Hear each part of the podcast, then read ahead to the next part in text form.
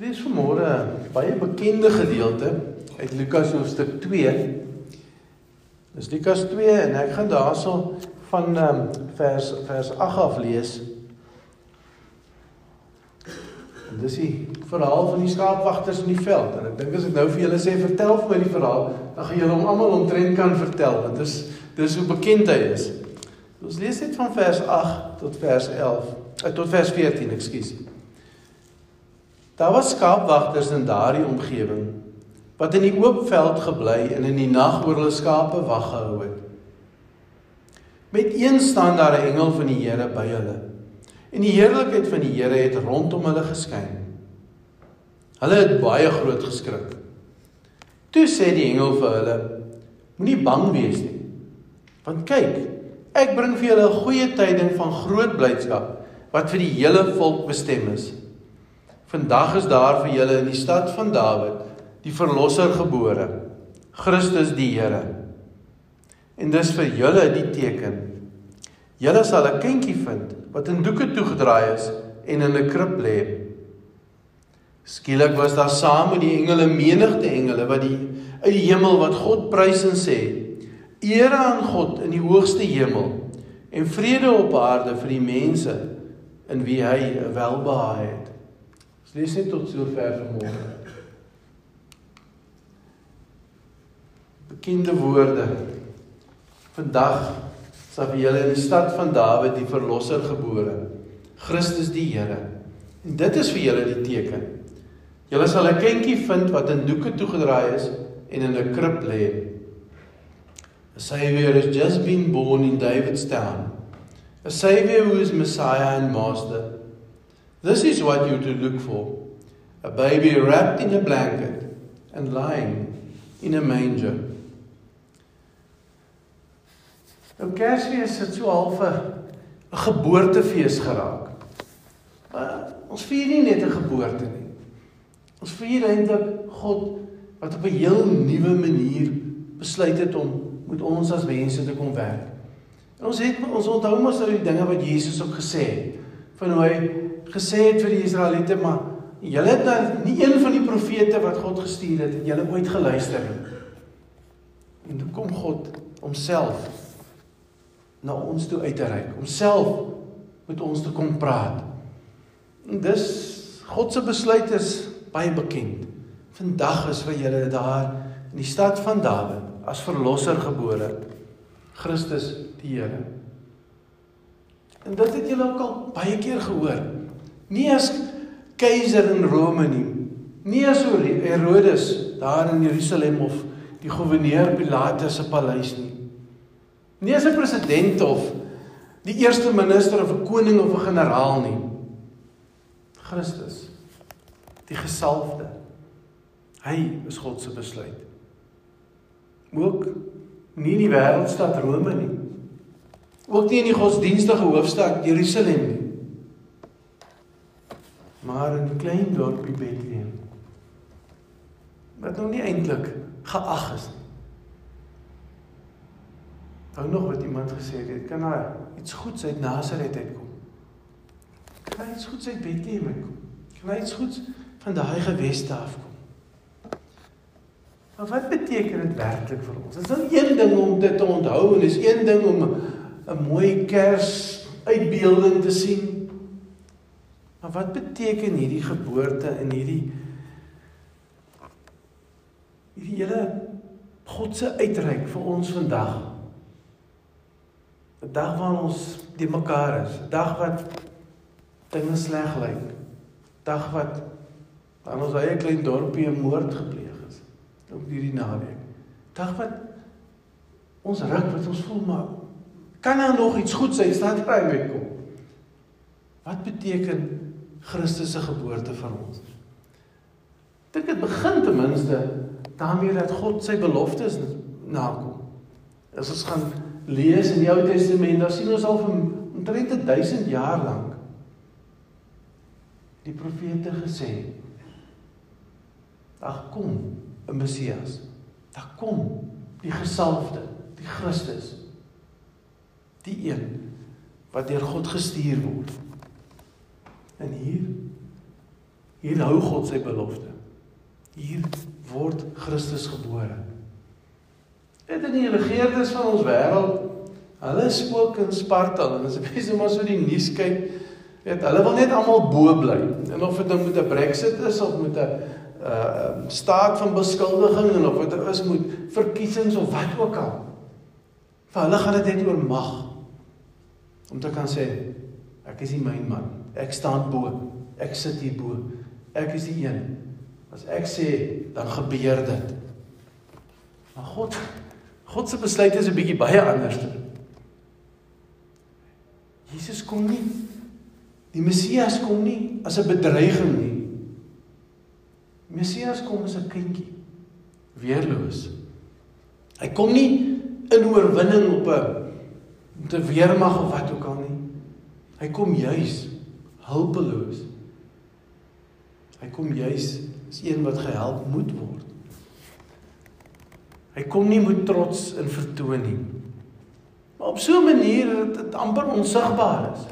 Ek wil Herodes in sy paleis het nie eens geweet van hierdie geboorte nie. Dis eers later toe die wyse manne opdaag dat hy gehoor het maar die koning van die Jode is gebore.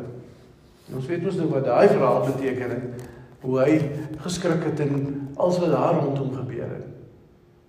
Maar in 'n sin kom die Messias, die beloofde, die gesalfde van God, onsigbaar, stil in hierdie wêreld in.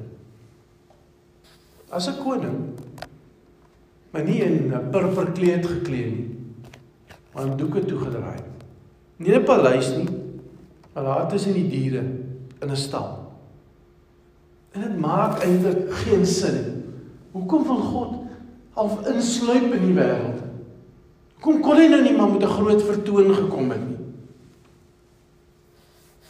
Dit maak geen sin. As ek en jy dink dat geld en mag en roem al is wat tel in hierdie wêreld nie. God kom egter. En hy kom wys juis dat dit dit wat ons dink ons weet oor hoe die wêreld loop. Is daar nie 'n ou lied wat een van die ouens gesing het, "Money makes the world go round" uit die Here toe nie? Dis hoe ons kop werk. Geld en mag en sulke dinge, dis wat die wêreld laat loop. God kom sê nee. By hom werk dinge agterste voor hom en onderste bo. Mag, roem, dit dit tel nie. Dink toe maar net aan wat Jesus kom sê het. God wat geen sin maak in ons kultuur en ons manier van dinge doen vandag. Maak geen sin om die ekstra myl te loop vir iemand wat dit nie waardeer nie. Dit maak geen sin om die ander wang te draai nie in so 'n gewelddadige lewe wêreld waarin ons leef nie. Maak geen sin om te gee vir diegene wat sukkel nie. Niks van wat Jesus gesê het maak eintlik sin as jy daaraan dink uit ons manier van kyk na die wêreld nie. Maar God sê dit dit is wat sin maak by hom. Dit is hoe hy sin gee aan hierdie wêreld. En so eintlik was om hierdie boodskap te onderstreep.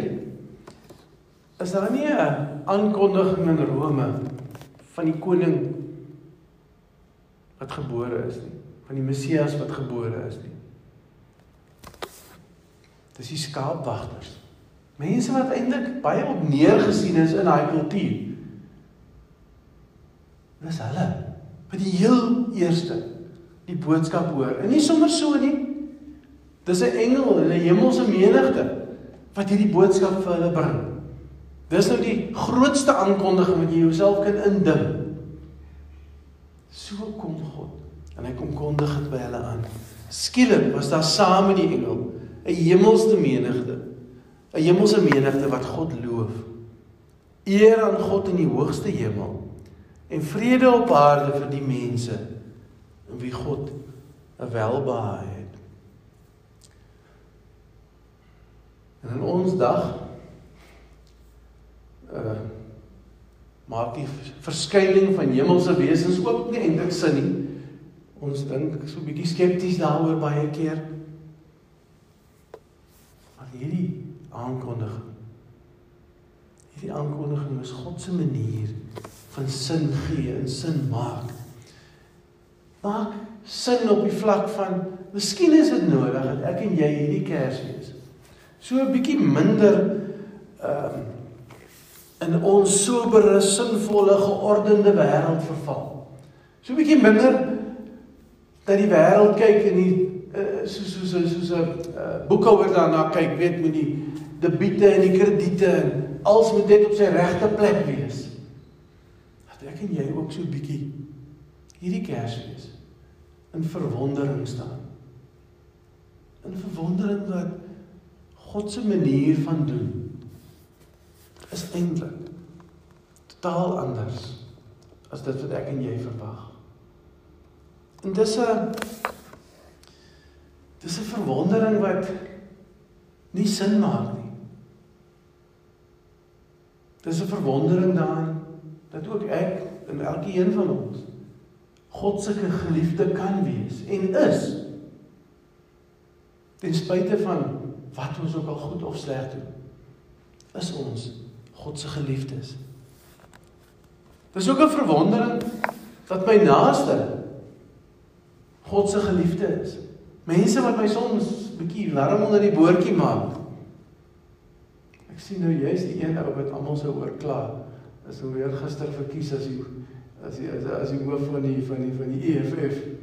So pas selfs hierdie is Malema is God se geliefde. Elke een wie wie in aanraking kom. Dis deel van God se onderste bo wêreld. Dat God 'n welbehae nie net vir my as 'n gelowige nie, maar in elke mens. Oralste. En en as dit nou so is. En as Jesus keer op keer sê, as die Vader my gestuur het, stuur ek julle ook. Dan is ons weer by die punt waar God eintlik vir my en vir jou kom sê, doen anders, leef anders as die wêreldkultuur waarin jy leef. By ons by ons begin dit om die ding op sy kop te draai. Jesus het met 12 disippels begin en in die wêreld op sy kop gedraai. Ook by ons kom hy kom na ons toe as gelowiges. En kom sê maar moenie dieselfde doen as diegene wat net dink mag en roem en geld is alwaaroor dit gaan. Leef anders. Want Christus leef in en vir en met jou.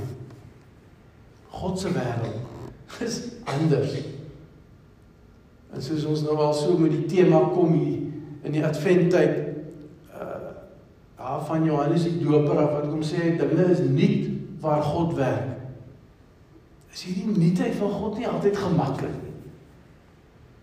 Want dit is nie gemaklik om lief te wees vir iemand wat vir jou haat teruggee nie. Dit is nie gemaklik om goed te doen aan iemand wat jou nie gesig spoeg nie. Maar dit is die vreemde, anderste, onderste bo wêreld God kom inlei met die geboorte van Christus. Mag hy vir ons help om ook 'n bietjie anders te wees. Mag hy vir ons help om ook vreemd te wees in hierdie wêreld. Want dis juis as vreemdelinge wat ons iets van sy koninkryk elke oomblik, elke dag kan bring. Amen. Kom ons buig die hoofde in gebed.